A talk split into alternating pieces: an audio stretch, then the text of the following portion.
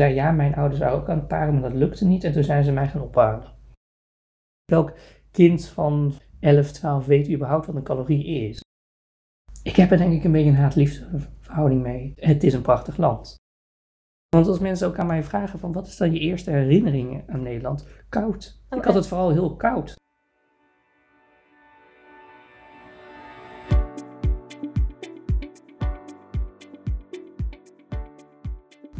Welkom bij het Pink Cloud Project. Mijn naam is Dilani Butink en we zijn alweer aangekomen bij aflevering 8. Vandaag ga ik in gesprek met David en na de aflevering zou ik zo snel mogelijk naar de Instagram gaan van Pink Cloud Project.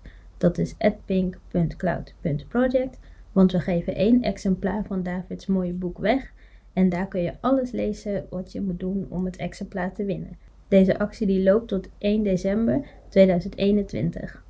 Ik wil nog even een disclaimer maken over het achtergrondgeluid. Ik was met David aan de grachten, dus je hoort af en toe een scooter, geritsel van collega's die heel hard hun best doen om niet te veel geluid te maken. Maar er is nou eenmaal wat achtergrondgeluid te horen, maar gelukkig heeft dat geen invloed op het gesprek. Welkom David. Zou jij jezelf eens willen voorstellen? Ja, ik ben uh, David Samuel en ik ben de auteur van het boek Sterk als een leeuw. Um, adoptie anorexia, mijn zoektocht naar een gelukkig leven. Um, wat was voor jou de reden om het boek te schrijven? Nou, ik had eigenlijk helemaal nooit in mijn hoofd dat ik een boek zou schrijven. En dat niet, helemaal niet dat ik zozeer een auteur ben. Maar het kwam op mijn pad. En toen dat op mijn pad kwam, was ik nog heel hevig ziek. Ik, had een, ik zat toen nog diep in die anorexia. Maar dat maakte wel dat ik daardoor een doel kreeg. En dat vond ik wel heel interessant. En toen ben ik dus het gaan schrijven met de vraag eigenlijk van de literaire agent van Thomas. Hoe zou jij jouw verhaal opschrijven? Want het is een hard verhaal, maar het is ook een mooi verhaal. Mhm. En daar ging ik over nadenken en ben ik een beetje over gaan plotten. En dat gaf inderdaad toen die, dat, die energie voor, voor dat doel te hebben. En terwijl ik dat aan het schrijven was, besefte ik ook van dit is niet alleen mijn verhaal. Op meerdere vlakken niet. En dat gaf ook een soort van ja, drive. Van ik wil het er wel gewoon afschrijven, maar ik wil het ook samen met voor anderen schrijven. Of ook doen met anderen. Of vertellen en praten erover. Want ik geloof heel erg in verhalen. En met verhalen kom je heel ver. En nu is uh, nou ja, adoptie was altijd al best wel een taboe. Mhm. Maar eigenlijk zitten er meerdere taboes in. Want volgens mij is anorexia vooral voor mannen ook nog best wel een groot taboe. Althans, het, vaak als mensen het over anorexia hebben, dan gaat het over meiden. Ja, we hebben een soort beeld uh, in ons hoofd dat het over meiden gaat. Dat het een spiegelziekte is. Dat het gaat over meisje is, voelt zich te dik bijvoorbeeld. Of wil een bepaalde carrière en moet daardoor afvallen. En zakt daardoor in anorexia omdat ze niet meer eet of gaat overgeven. En niet dat dat verschrikkelijk is, want dat is er ook helemaal. Mhm. Maar anorexia heeft meerdere takken in de ziekte. En je hebt ook heel veel anorexia-patiënten die te maken hebben met een soort controleverlies en dan de controle over hun lichaam gaan pakken. En daardoor een soort van zichzelf, een soort controle over zichzelf gaan pakken en daardoor anorexia krijgen of daardoor in die anorexia zakken. Omdat je dus, ja, met anorexia kun je heel veel controle uitoefenen of het al heel ongezond is of niet. Je, je, je, hebt heel veel controle. En dat het dan nog bij jongens aan de hand is, is natuurlijk ook weer iets wat we ergens soms wisten. En soms wisten we het, sommigen wisten het niet. En dat heeft te maken met een stukje herkenning, maar ook erkenning van de omgeving. En nu ik dit boek heb geschreven, merk ik ook dat ik steeds meer met ehm, jongens in aanraking kom die anorexia hebben gehad. Dus dan heb ik het over jongens die nou ja, tussen de 30 en 40 zijn en die mhm. dan toen zij twintig waren of, daar, of jonger, toen hebben ze anorexia gehad. Maar dat is niet helemaal erkend. Omdat het bij hun meer gezien werd als een soort van obsessief sport. Of ehm, ja, je wil controle inderdaad hebben over het leven, maar dat is niet anorexia. Terwijl ze eigenlijk hartstikke onder voet waren en dun waren en alleen maar aan het hardlopen waren en helemaal in die ziekte zaten. Maar dat, dat konden ze niet kwijt. En nu begrijpen ze zichzelf meer en nu er wat meer bekend is ook over anorexia, want we hebben gelukkig de afgelopen jaren niet stilgestaan. Um, komt dat steeds meer aan het licht. Dat het wel degelijk misschien meer meiden zijn die het hebben. Maar dat het misschien ja, toch meer jongens zijn dan we dachten dat het heeft. Of heeft gehad. En toen je daar dan achter kwam, had je zelf door dat, dat die ziekte speelde? Ja, ik had het wel door. Op een gegeven moment, ja, ik, ik heb eigenlijk altijd wel met die, met die ziekte gelopen. Het zat heel erg in mij. Dat, dat had te maken met hele kleine dingetjes. Of gewoon ook gewoon heel veel moeite met eh, voeding hebben. Dus ik ook met voeding. Niet zozeer met eten, maar echt met voeding. Want je hebt ook extra patiënten die er niet tegen kunnen als mensen naast hun eten. En dat ze dan helemaal misselijk worden van het geur of van het, het zien erom. Of bang, bijna bang worden van voedsel. Maar dat had ik, dat heb ik dan weer niet. Het is het is, het is voor mezelf vooral. Ja, dat, dat, dat besef je dan. Dat wist ik wel dat er, iets, dat er iets zat met mij, met voeding en dat daar iets moeilijk zat.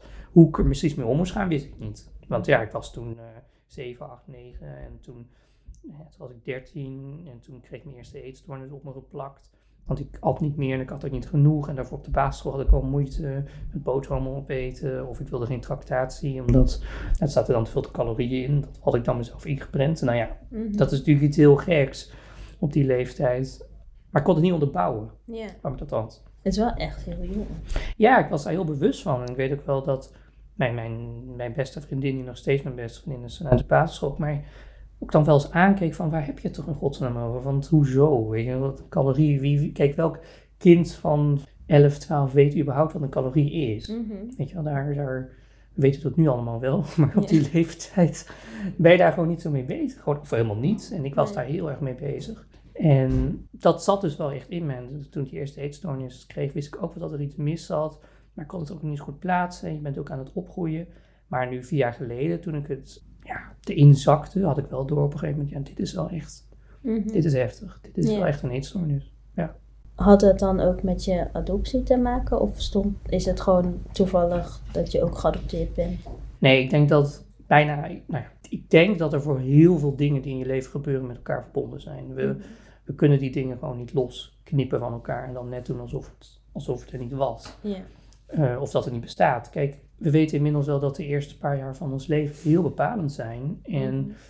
ja, daar steeds meer komt daarover uit op heel veel verschillende manieren. Hè? Bij, bij geadopteerden of gewoon bij niet geadopteerden ook. Want Ja. die kunnen ook flinke trauma's oplopen. Zeker. En dat het effect heeft op onze, hoe, hoe we opgroeien en hoe we met dingen omgaan. En heel simpel, ik was ondervoed en het is zoveel met mij versleept en verplaatst. Dat zat in mij. Dat er bij mij iets duisters zat en dat er bij mij iets, bepaalde relatie met voeding zat. Dat het meteen anorexia was, dat, dat, wisten we toen nog allemaal niet. Mhm. Maar we hebben wel kunnen zien op een gegeven moment, dus helemaal op die 13-jarige leeftijd, van dat zit erin, dat gaat er een keer uitkomen.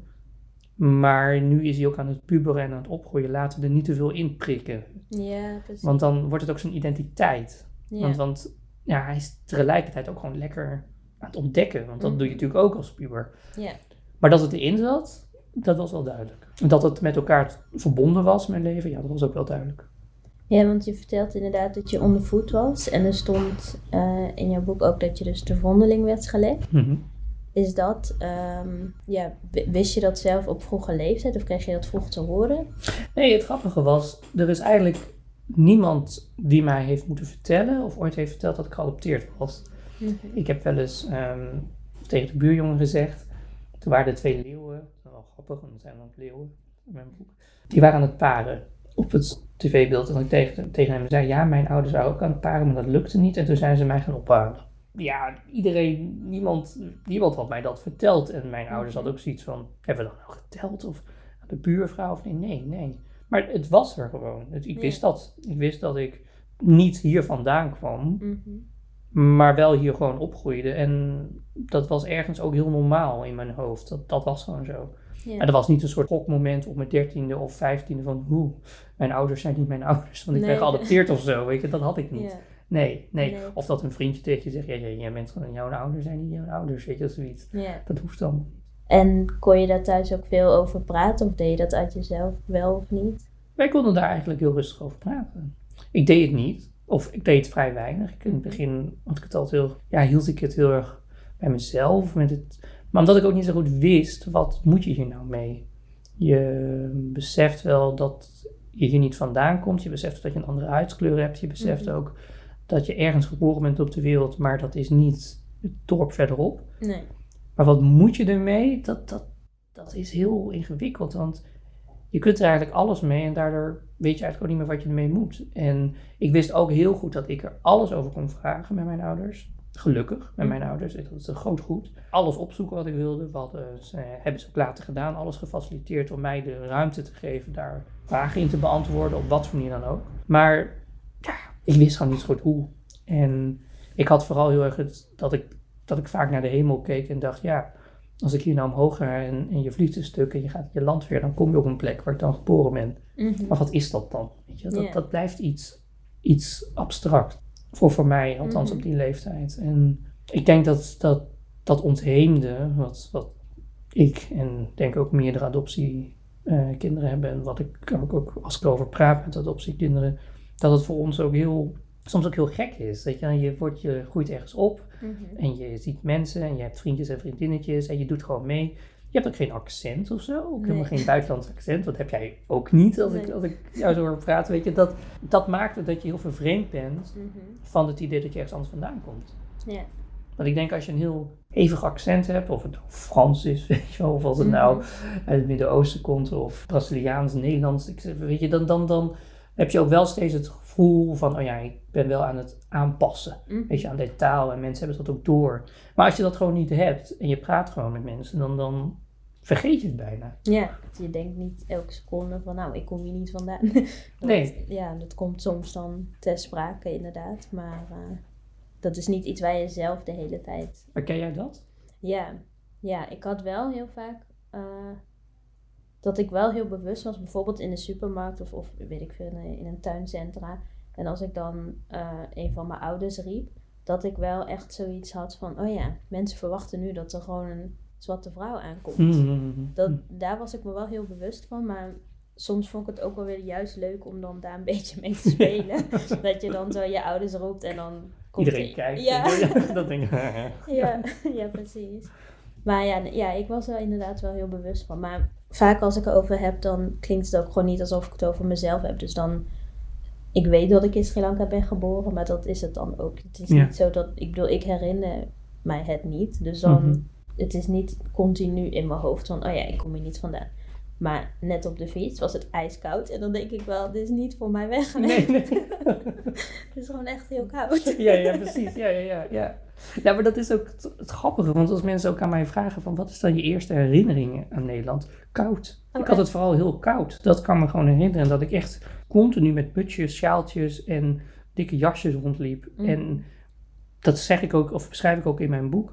Van dan kom, kom ik aan op Schiphol en ik heb het koud als kind. Want je komt uit zo'n ander klimaat, wat misschien helemaal in je genen zit ook. Mhm.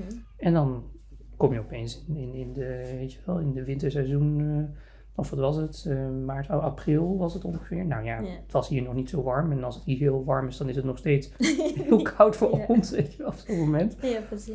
Maar het is ook, ik kan me dat wel voorstellen ook van, kijk, want als ik naar onze huidskleuren kijk, jij bent donkerder dan ik Mhm. ben. En mijn moeder heeft heel, heel zwart haar. En lijkt een beetje Spaans daardoor. Is ook Ah. klein Ja. dat er ook heel vaak mensen waren die helemaal niet door hadden dat ik niet van haar kwam, vandaan kwam. precies. En dat ik ook gewoon in winkels was en eh, met mijn moeder en dat de verkoper dan zegt, oh ja, jullie lijken echt op elkaar.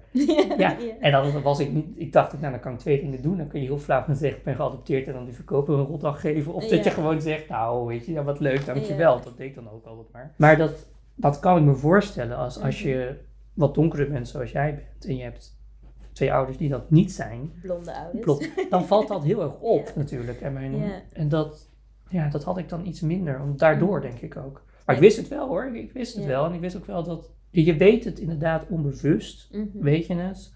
En er zijn ook van die momenten dat je... Inderdaad, gewoon van die hele basale momenten dat je fietst en dan jezus, wat is het koud. of dat je huid daarop aan...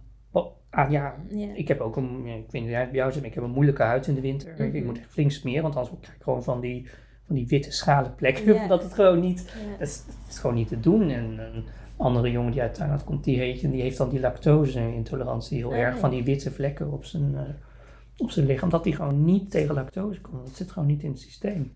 Nee, precies. En dat, dat wat heel zielig was, want hij vond het zo lekker. Oh. En, eh, maar ja, dan krijg je jeuk, moest je krammen. En dat, oh, weet je wel, dat had ik gelukkig dan weer niet. Nee. Maar dat zijn van die kleine dingen die je dan ergens heel bewust van bent, maar ook wel eens niet. En dat, dat is denk ik. Kijk, als je met de hele familie hier naartoe komt, dan, of je woont in een soort community met elkaar hier, of het nou de Chinese community is, of de Surinaamse community, of de Indonesische. Ja, je woont samen in een familie of in een groep, of, of waar dan ook, of in een buurt. Dan zie je elkaar, dan zie je elkaars cultuur, of, dan, Mhm. of je bent en je blijft in je eigen cultuur, of in je eigen geloof, of in je eigen, ja, wat dan ook, je feesten, wat je viert. Of, en dan ben je daar continu mee bezig, maar dat hadden wij, ik het doen, ook Mhm. niet. Nee, Zo van, je, je groeit eigenlijk gewoon op als een witte Hollander, ja, punt. Weet je wel? ja, Met boerenkool stampot en, en dit is. ja. En dat vond ik ook best lekker ook, weet je? Ja, is het ook wel. Ja, precies. Ben je wel eens terug geweest naar Thailand? Ja, zeker. Ik ben ehm, op het dertiende ben ik teruggegaan nadat ik die eerste eetstoornis eh, label kreeg, laat ik het even zo noemen. Mhm. Was ook het advies van misschien zou het goed zijn als, als hij wel eens teruggaat naar Thailand. Want er zitten gewoon wel heel veel vragen die hij niet zozeer uit, maar je kunt het gewoon zien aan hem. Er zit, er gewoon, er zit, er zit iets wat hij niet kan delen, ook met zijn klasgenoten. Mhm. Die daar, ja, dat heeft, had hun eigen issues, maar dat issue niet. Dus je kunt het ook niet delen met elkaar. En ik ben toen teruggegaan naar Thailand met mijn ouders en met een andere familie, waarvan de dochter uit China komt en de zoon uit Thailand ook. Mhm. En zij zijn, zij, hij komt uit Noord-Thailand, dus wij zijn op een gegeven moment gescheiden van elkaar. Dus wij gingen naar Zuid-Thailand, want ik kom uit het zuiden. Oké.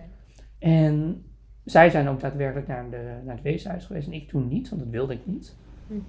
Ik weet niet zo goed waarom, maar ik wilde het gewoon niet. En ik vond de rotreis. Ik, ik, ik kon niet communiceren met die mensen. Ik kon met die drie woorden Engels, ik kon en met die nul woorden Mhm. Thai die ik kon en die vier woorden Engels die zij kon. Ja, daar gingen we het niet winnen met elkaar in de oorlog. Nee. En ik voelde me ook niet thuis en ik vond ook niet, vond ook niet dat ik erop leek. Ik, ik vond ook oprecht niet dat op een of andere manier, ik had het gevoel, ik heb, ik heb wat bredere schouders en mijn ogen zijn groter en ik ben ook langer eigenlijk, want ik ben ook langer geworden dan de prognose was. Oké. En waarom dat is, dat de Nederlandse voeding of de Mhm. gezond, ik weet het niet, maar ik ben langer geworden dan ik eigenlijk zou, dat ze dachten dat ik zou worden. Ja. En voor mij was het niet meer dan een vakantieland. Ik had, het, ik had ergens de, het, rom- het romantische beeld, en als ik daar kom, dan ben ik thuis. Ja. Dat, dat, dat was het niet. En dat, toen ik ook weer terugkwam, had ik ook het gevoel van ik ga nooit meer terug. Ik, ik heb er niks mee. Het is gewoon, eh, het is een land. Ja.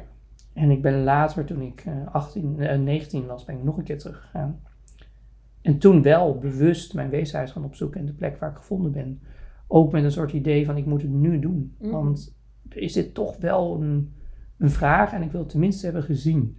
Ja. Zodat ik een beeld kan hebben met ja, die vraag eigenlijk van dat ja, eerste best wel onbekende jaar van mij, van een half jaar. Van ja, wat is er nou gebeurd? En dat, ik weet ergens wel, en ik heb toen mijn dossier ook laten inzien door Defense for Children in Leiden. En het lijkt allemaal wel bij mij wel te kloppen. Zoals het eh, helaas bij bij anderen niet klopt. Klopt het bij mij voor zoveel procent? Kunnen ze, durven ze te zeggen, we zien geen procedurefouten van die kleine dingetjes die niet kloppen. Ja. Nou, dat vond ik ergens gaf wel een soort van rust. Nou, dan heb ik dat tenminste, kan ik loslaten in die zin. Ja. Maar dat betekent niet dat ze zeiden, we weten niet zo goed wat daarvoor is gebeurd. Al zijn er gewoon de documentatie die we hebben en die in de dossiers staan. Dus ik dacht, ik wil die plek ook zien. En dat heb ik gedaan. En, en dat vond ik wel bijzonder. En kan je het nu dan ook zien als een, ja, als een leuk land? Of nog steeds wel een beetje zoals toen je 13 was? Nou, ik heb er denk ik een beetje een haat-liefde verhouding mee. Mhm. Het, het, is, het is een prachtig land. Het heeft, natuurlijk heeft het prachtige nationale parken, het heeft prachtige stranden en een mooie cultuur en lieve mensen. En het eten ben ik niet zo'n enorm fan van, maar, Mhm. maar ja, het heeft heel veel. Het, het, het is een heel rijk land. Op, op letterlijk de, de, de cultuur aan toe. Ja. Ehm, maar het blijft toch ook, ook je land, je geboorteland. En daar wil je op een manier toch een soort connectie mee hebben, wat ik niet zo voel. Mhm. En ik heb ook wel eens gezegd van ik voel me misschien nog bijna meer Italiaans of Frans. Dan dat ik me nou thuis voel. Want ik ben, doe ook meer zoals hun. Dan dat ik doe als de Thai. Want het is natuurlijk wel een bepaalde cultuur en een bepaalde manier van doen. Ja, dat zit niet zozeer in mij. Ik ben vrij direct en dat zijn ze in Thailand dan niet. Nee. Nou ja, daar gaan we al. Dat, dat, dat is al een... Dat is wel dat- een mis. daar gaan we al. Dat wordt al lastig. Ja. Dus heb jij dat met Sri Lanka? Ehm, ik voel ja, die connectie. Ik vind het altijd lastig. Ik weet niet zo goed of ik wil dat ik die connectie voel of dat ik hem echt voel. Hm. Want ik vind Sri Lanka echt prachtig. Ik ga toevallig eind december. En ja, ik, ik ben wel echt verliefd op het land en gewoon wil daar heel vaak heen. Dat is mijn gevoel een beetje, dat ik gewoon heel erg verliefd ben op het land en de cultuur. Ik ben nu sinds kort eh, begonnen om de taal te leren. Oké, ja. Dat vond ik ook, ja, vind ik gewoon heel tof. Dus ja, ik ben wel echt verliefd op Sri Lanka. Maar ik kan me ook wel heel goed voorstellen als je dat niet hebt. Of als je juist die dubbele kant hebt. De cultuur, het is zo'n andere cultuur dan de Hollandse. Ja. Ook, ook dat directe. Maar ik moet zeggen dat ik dat ook wel... Dat heb ik wel echt, denk ik, net als Sri Lankanen, dat ze er onwijs omheen kunnen draaien. dus dat is dan wel weer... Dat, je Dat heb je wel weer Ja. mee. Ja, precies. Ja, ja. Ja. Niet dat botte Hollandse hup. Ja, nee. ja, ja. Hoe oud was jij toen je in Nederland kwam? Ik was twee. Oh ja. Ik ben bijna of net twee. Ja. Ja. Nou, wat ik heel erg merk is, als ik in Italië rondloop en met name toen ik eh 16, 14 was met mijn eh, verschrikkelijke Gucci-stijl en, en, mijn- en, mijn- ja, maar, en dan met mijn gouden, of nee, wat is mijn, mijn kristallen oorbelletje Oh, links, ja. weet je. Ja, eh, nou ja, goed, puberteit hè. Ja. Ehm, maar dan denkt iedereen dat ik Italiaans ben, want daar blend ik helemaal in. Ja. Er is geen eh, persoon die daar denkt, goh, die komt uit Azië of, of Mhm. maar iedereen denkt het is Italiaans, want ik ben inderdaad ben niet zo eh, getint of zo donker, dus Mhm. ik blend al gauw in als mensen wat donkerder al een beetje van zichzelf zijn van de zon. En dan mijn zwarte haar en dan de stijl en de manier hoe je beweegt of zo, of de manier hoe je Mhm. praat. Ja, ik denk dat ik Italiaans ben. Maar dat heb ik ook in Spanje. Ja. ja. En dat heb ik ook, ja, ik, eh, of dat mensen denken, ja, dat komt uit Brazilië of uit het Midden-Oosten. Of Ja. als ik in het Midden-Oosten was, dan dacht iedereen dat ik Arabier was. Weet je, dit- Ja. er, er is niemand die, dus ik is een soort, soort chameleon die zich ook Mhm. aanpast aan de omgeving. En waar mensen ook je dan ziet En een soort het frame om je heen bouwt. Jij hoort hier, of jij past hier, of jij komt hier vandaan. En ik kan me gewoon wel echt voorstellen als je veel meer de trekken hebt van de, de, je genen, zeg maar je afkomst, Mhm. laat ik het even zo noemen. Dat je dan ook sneller het gevoel hebt van, ja, hoor ik nou daar of hoor ik hier? Bijvoorbeeld een, een, een meisje die ik ken, die komt uit China. Ja, zij ziet er in die zin ook echt wel Chinees uit. Mhm. En ja, het lijkt mij gek als iemand tegen haar zegt, nee, jij komt uit Brazilië. Kijk, het kan, het Ja. kan, weet je, weet, weet jij veel, Mhm. maar, maar dat is niet het eerste wat je denkt Nee. bij iemand. Bij haar heb je al gauw het gevoel, dan gaat die kant op. En als je Mhm. goed het weet, dan weet je ook dat iemand Chinees is. Ja.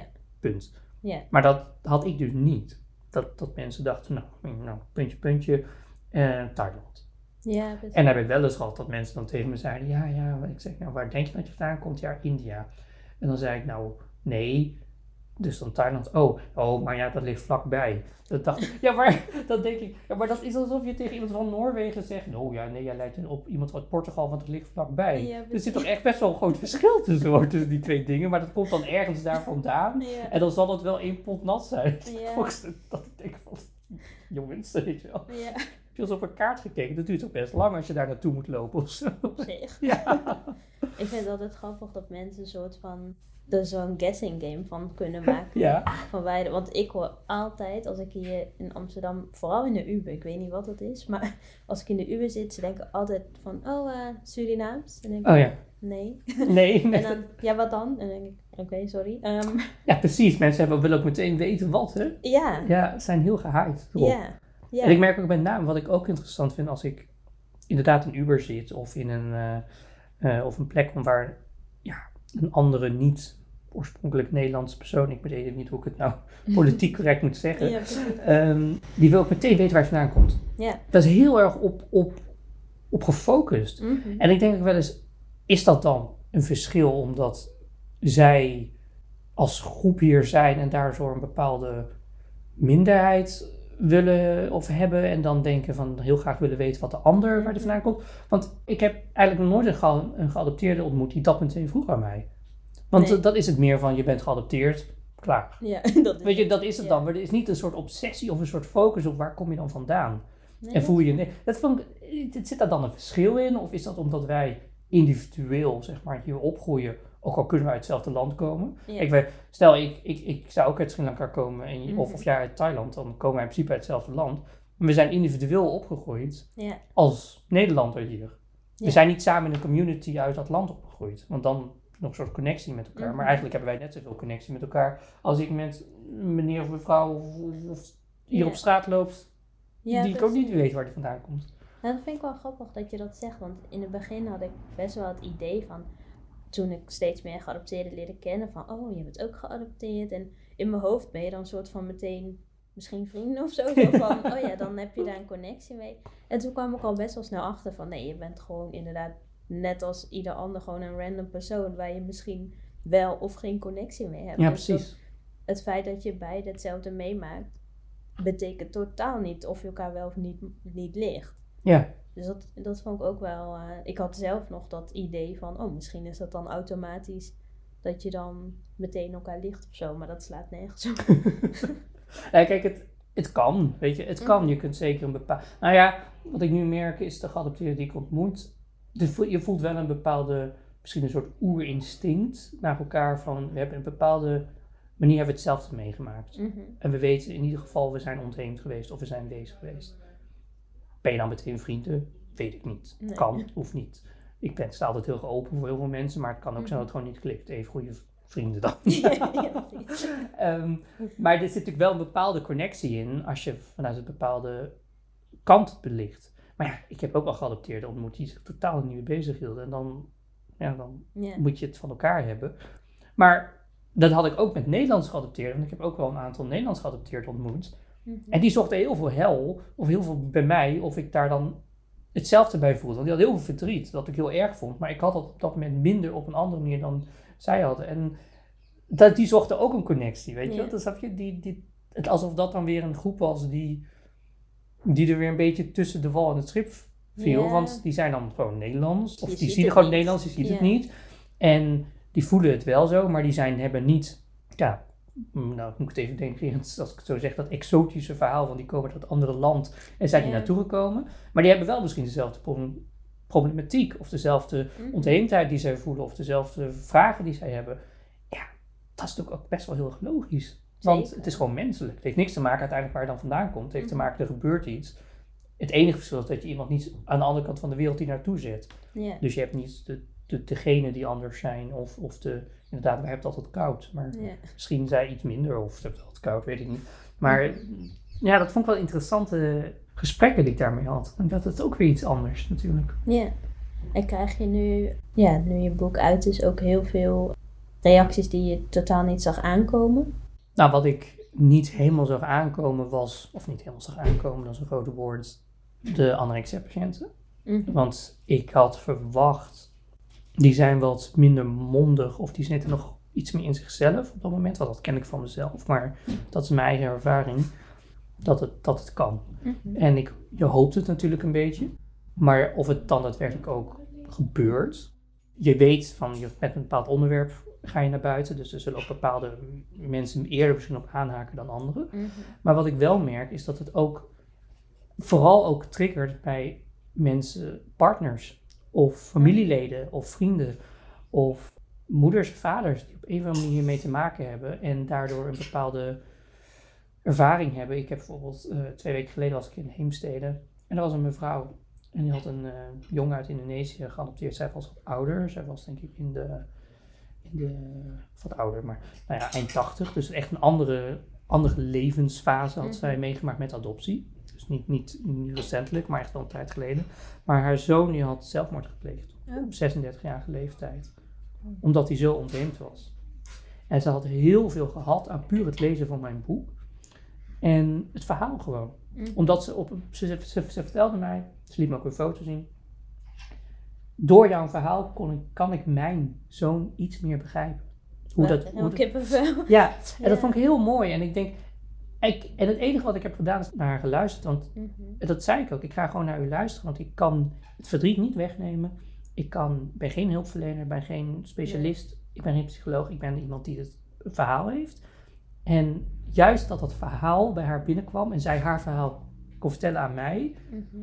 dat is precies wat ik hoopte ervoor. Want wat ik al zei, ik geloof heel in verhalen. En als je elkaar verhalen vertelt, kom je soms nog veel verder dan ehm, als je op feitjes gaat zitten naar elkaar. En, dat, en ik, heb, ik zeg ook altijd tegen, uh, dus begin ik ook altijd vaak een, een speech mee, of, een, of hoe noem je dat, een lezing van je hebt activisten en je hebt mensen die frontrunners zijn. Nou, ik zit tegenover die zin een frontrunner, een bepaalde, ja, jij zeer terecht stelt je bepaalde kritische vragen en gaat daarmee het uh, gevecht aan met de staat. Maar daar moet je een bepaalde persoonlijkheid voor hebben. En, of dat moet je kunnen. Ik denk dat je dat moet kunnen. En ik ben zelf meer een verhalenverteller. En ik denk dat ik daar beter in ben. Dus dat probeer ik ook altijd uit te leggen. Je hebt verschillende soorten weer mensen die hetzelfde willen bereiken op een bepaalde manier, maar op een andere manier dat doen. En ik deed dat op dat moment ook met mijn verhaal. En dat merk ik dus ook steeds dat mensen aan mijn tafel komen dan achteraf. En dan was voor, vorige week een mevrouw die wilde mijn boek komen, want haar dochter ging, kwam een week daarna uit de kliniek. En die wilde heel graag mee, maar dat kon niet, want die zat in een anorexia kliniek. Mhm. Ja, dat vind ik mooi. En die wilde graag mijn verhaal geven. En zo gaat dat steeds door. En ik denk, dat is precies wat ik wil, maar daarmee bereik ik dus ook, merk ik, heel veel familieleden mhm. of vrienden of partners of broers of zussen, omdat die vaak ja, vanuit, vanuit hun perspectief het eigenlijk ook niet zo goed weten. En dan vertel ik mijn verhaal en dan komen ze een stapje verder. En dan, kunnen ze zich, dan voelen ze zich ook, ook ja, hoe moet je dat noemen, deel ervan. Ze voelen zich een beetje, ja, oh ja, dat verhaal ja, en dat weet ik nog, of dat zag ik ook gebeuren, weet je. En dan, mhm. en dan kunnen, komen ze daar een beetje op los. En dat, dat, dat, dat vind ik dan heel bijzonder dat dat komt. Want ik denk, ja, dat is ook, die moeten het ook horen, weet je. Dat, en daarbij merk ik ook, dat vind ik denk ik zelf wel het meest verrassende, dat er ook gewoon mensen zijn die helemaal niks met het onderwerp hebben, maar gewoon identiteit. Ja. Gewoon het vraagstuk hebben van, ik word op deze wereld geboren en wat moet ik in godsnaam gaan doen? Ik weet het niet, weet je wel. En dan, en dan zijn er sommigen die dat heel goed weten, zoals mijn partner Thomas. Mhm. Die wist vanaf het elfde, ik ga schrijven. En huppakee, als een soort raket is hij oh, wow. naartoe geschoten en daar succes in gehaald. En groot succes. Wat natuurlijk geweldig is, dat iemand daar mhm. hard voor werkt. En dat iemand daar zijn passie in vindt en zijn, en zijn dag, eh, weet je, dagbesteding, dat klinkt een beetje, maar helemaal doet wat hij wil doen. Maar goed, als je dat niet hebt, mhm met al die mogelijkheden van, van dit moment, ja, waar moet je dan beginnen? Ja. En dat zit er ook in, van gewoon opgroeien. Wat, hoe ik daar even ook mee struggelde en, en een manier in vond om dat te doen. En ja, daar kun je die zin ook iets uithalen. Ik, ik eindig het boek ook met van, kijk, dit is geen stappenplan, mijn boek, om beter te worden of om de beste versie van jezelf te worden. Dan moet je echt een ander boek gaan lezen. Of gewoon maar gaan doen. Mhm. Maar wat ik doe, tel iets en je kunt eventueel iets uithalen. En dat is helemaal aan jezelf wat je eruit haalt. En haal je er niks uit, ook goed. Als je gewoon het graag een boek wilde lezen en je het interessant vindt, is dat ook al iets. Als je het helemaal niks vond, is het ook iets. En ja, daar geloof ik heel erg in. En ik denk dat dat een ver verrassing is dan een groot woord, maar het is fijn dat ik daarmee dus ook mensen bereik. Ja, dat is een beetje ook wel het doel wat ik had. Ja. En sowieso ook al hebben inderdaad mensen niks ermee, dan is het alsnog weer een stukje informatie op een verhalende manier. Het is inderdaad niet per se dat het allemaal feiten of, of activistische. Nee, nee. Kijk, ik heb laatst een boek gelezen over depressie, wat een enorm dik boek was. was ik vond het een prachtig boek. Alleen er stonden heel veel feiten in en je moest ook wel de wetenschappelijke termen weten ervan. En als je er helemaal niks over weet of helemaal niet inleest, of je, dan is zo'n boek een stuk moeilijker. Mhm. Want dan zit je gewoon, wat, wat zijn eigenlijk de cijfers of wat bedoelt hij daar eigenlijk mee of wat is dat onderzoek? Weet je, dan ga je veel meer de diepte in van zo'n onderwerp. Dat is prima, alleen dan zal niet iedereen daar meteen in mee kunnen of meekomen. Ik denk als je het een beetje luchtig toegankelijk opschrijft voor mensen, ja, dan, dan, dan leest het ook even heel denigrerend weg. Ja. Maar dat is ook wel eens fijn. Zeker. Dan lezen mensen een soort, ja. Maar daardoor geef ik me ook, ja, denk ik, wat minder glad ijs. Dan, dan, want de discussie over adoptie is natuurlijk vrij hard. Ja. En ik, ik weet niet, toen jij met, daarmee naar buiten kwam, of met die artikelen waarin zit, kreeg je ook kritiek. Was het ook wel eens flink vechten in de arena, laat ik het zo noemen. ja, klopt. Heb jij met dit boek ook kritiek gekregen? Of zijn het dan reacties die je niet leest, dus niet bekijkt? Um, nou ja, kijk, ik, ik ben zelf altijd gesprek gegaan met mensen en ik heb niet een hard, een, een one-liner gegeven of een hard mhm. statement. Misschien bewust niet, of misschien ook dat ik denk, ik ben er daar te weinig voor nog in thuis. Om daar met, ik geloof wel tegen, als je, kijk, als je zoiets wil zeggen, prima, maar dan moet je het doen vanuit je eigen gevoel en vanuit je eigen ervaring. En dit is mijn ervaring en dat zit er gewoon niet in. Ehm, ja, kijk, ik heb natuurlijk ook wel eens een reactie gehad van anorexia bij jongens, dat bestaat niet. Of anorexia is sowieso een onzinziekte. Of dan moet je, weet je, iemand moet je vastpinnen en, en, en tien cheeseburgers verzetten, wordt je wel weer beter. ja, weet je wel, dan kun je ook bedenken van, kijk, iemand die zoiets schrijft, ja, ik weet niet waarom iemand zoiets schrijft. Mhm. Is het een soort frustratie of is het een soort van schoppen tegen de maatschappij of is het een soort onkennis? Ik weet het niet. En Nee. ik heb zoiets van, ja, als iemand heel graag met mij rond de tafel zit, prima, maar ik ga er niet op in. Nee, maar je kan ook niet per se hier nou een heel gesprek mee hebben over van goh, wat, wat vind jij nou hiervan en wat vind als iemand zoiets zegt, dan denk je ja, oké, ja. Ik heb dan meer het gevoel, iemand, iemand moet gewoon, wil gewoon even zijn stoom kwijt. Nou ja, blijkbaar was ik het nog met de juiste boksbal. Ja, nee, precies. Nou, laat maar boksen dan. Ja, als blijkbaar iemand dat helpt. Maar kreeg jij ze? Ja, ja, ja, ja. Ik heb eh, in het begin niet echt, maar toen we met de dagvaarding naar buiten kwamen, dat was 2019, dat was een jaar nadat de Zembla-uitzending uitkwam waar ik in zat. Mhm. En toen hebben wel echt mensen, maar ook tijdens de rechtszaak heb ik nog mailtjes gekregen dat ik, eh, ja, dat ik me op mijn blote knieën God moest bedanken. En anders kwam ik in een bordeel terecht. En Oh ja, ja, ik ja. moet, nee, vooral dankbaarheid was een heel groot. En ik had een persoonlijkheidsstoornis en ontwikkeling. En ik was, ja, Ja, ja. gewoon Ik- dat soort dingen. Ja, ik vraag gewoon altijd af als je dat soort dingen moet zeggen over iemand anders. Wat voor persoon ben je zelf dan?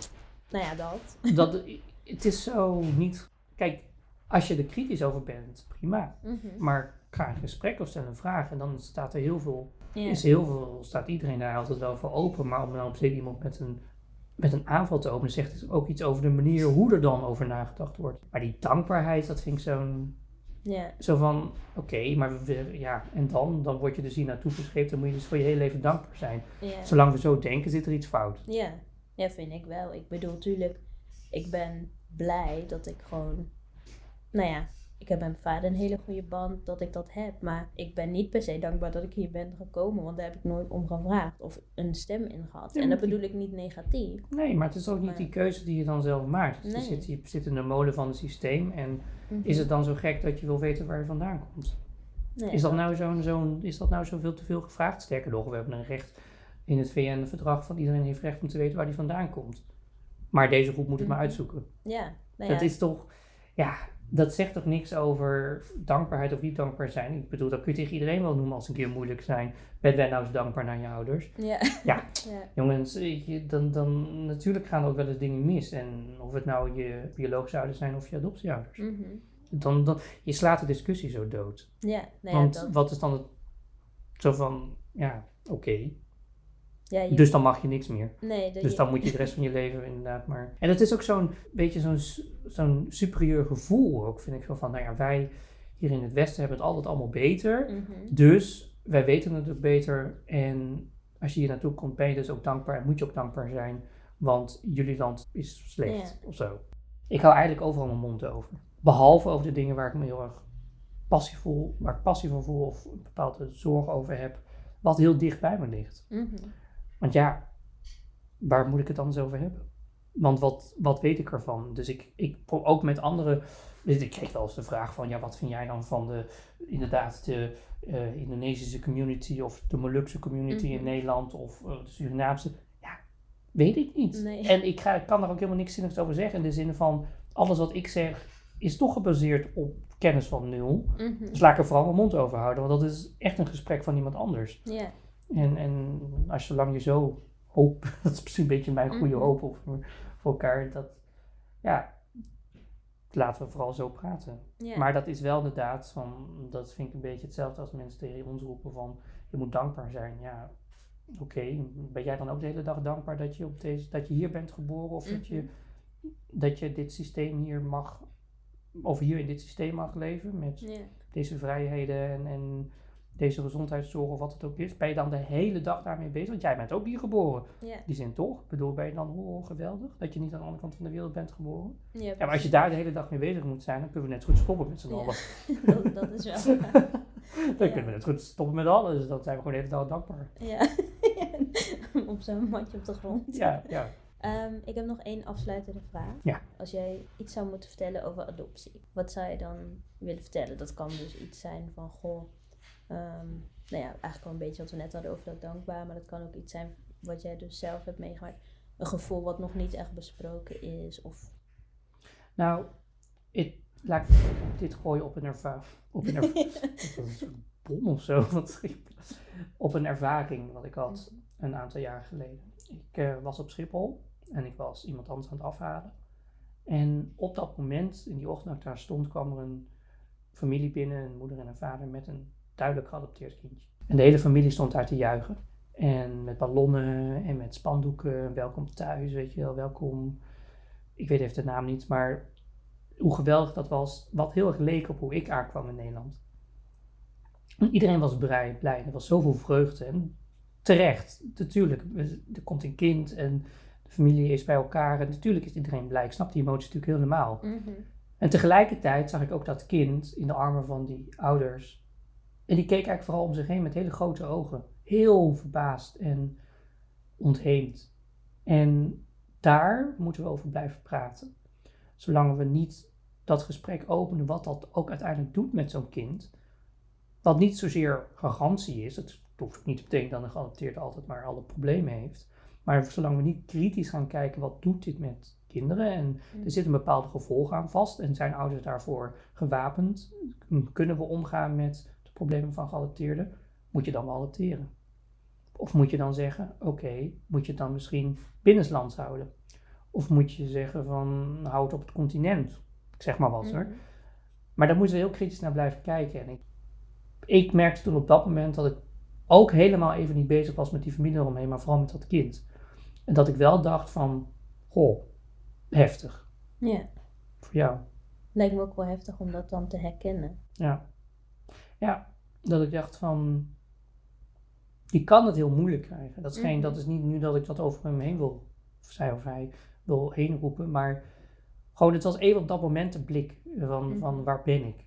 Ik ben letterlijk van, van mijn plek gerukt, laat ik het even zo noemen, in het vliegtuig en verplaatst met eh, zoveel kilometer per uur.